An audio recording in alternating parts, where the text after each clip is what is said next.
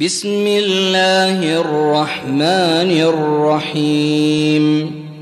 إذا زلزلت الأرض زلزالها وأخرجت الأرض أثقالها وقال الإنسان ما لها يومئذ تحدث أخبارها بأن ربك أوحى لها يومئذ يصدر الناس أشتاتا ليروا أعمالهم فمن يعمل مثقال ذرة خيرا يره ومن يعمل مثقال ذرة شرا يره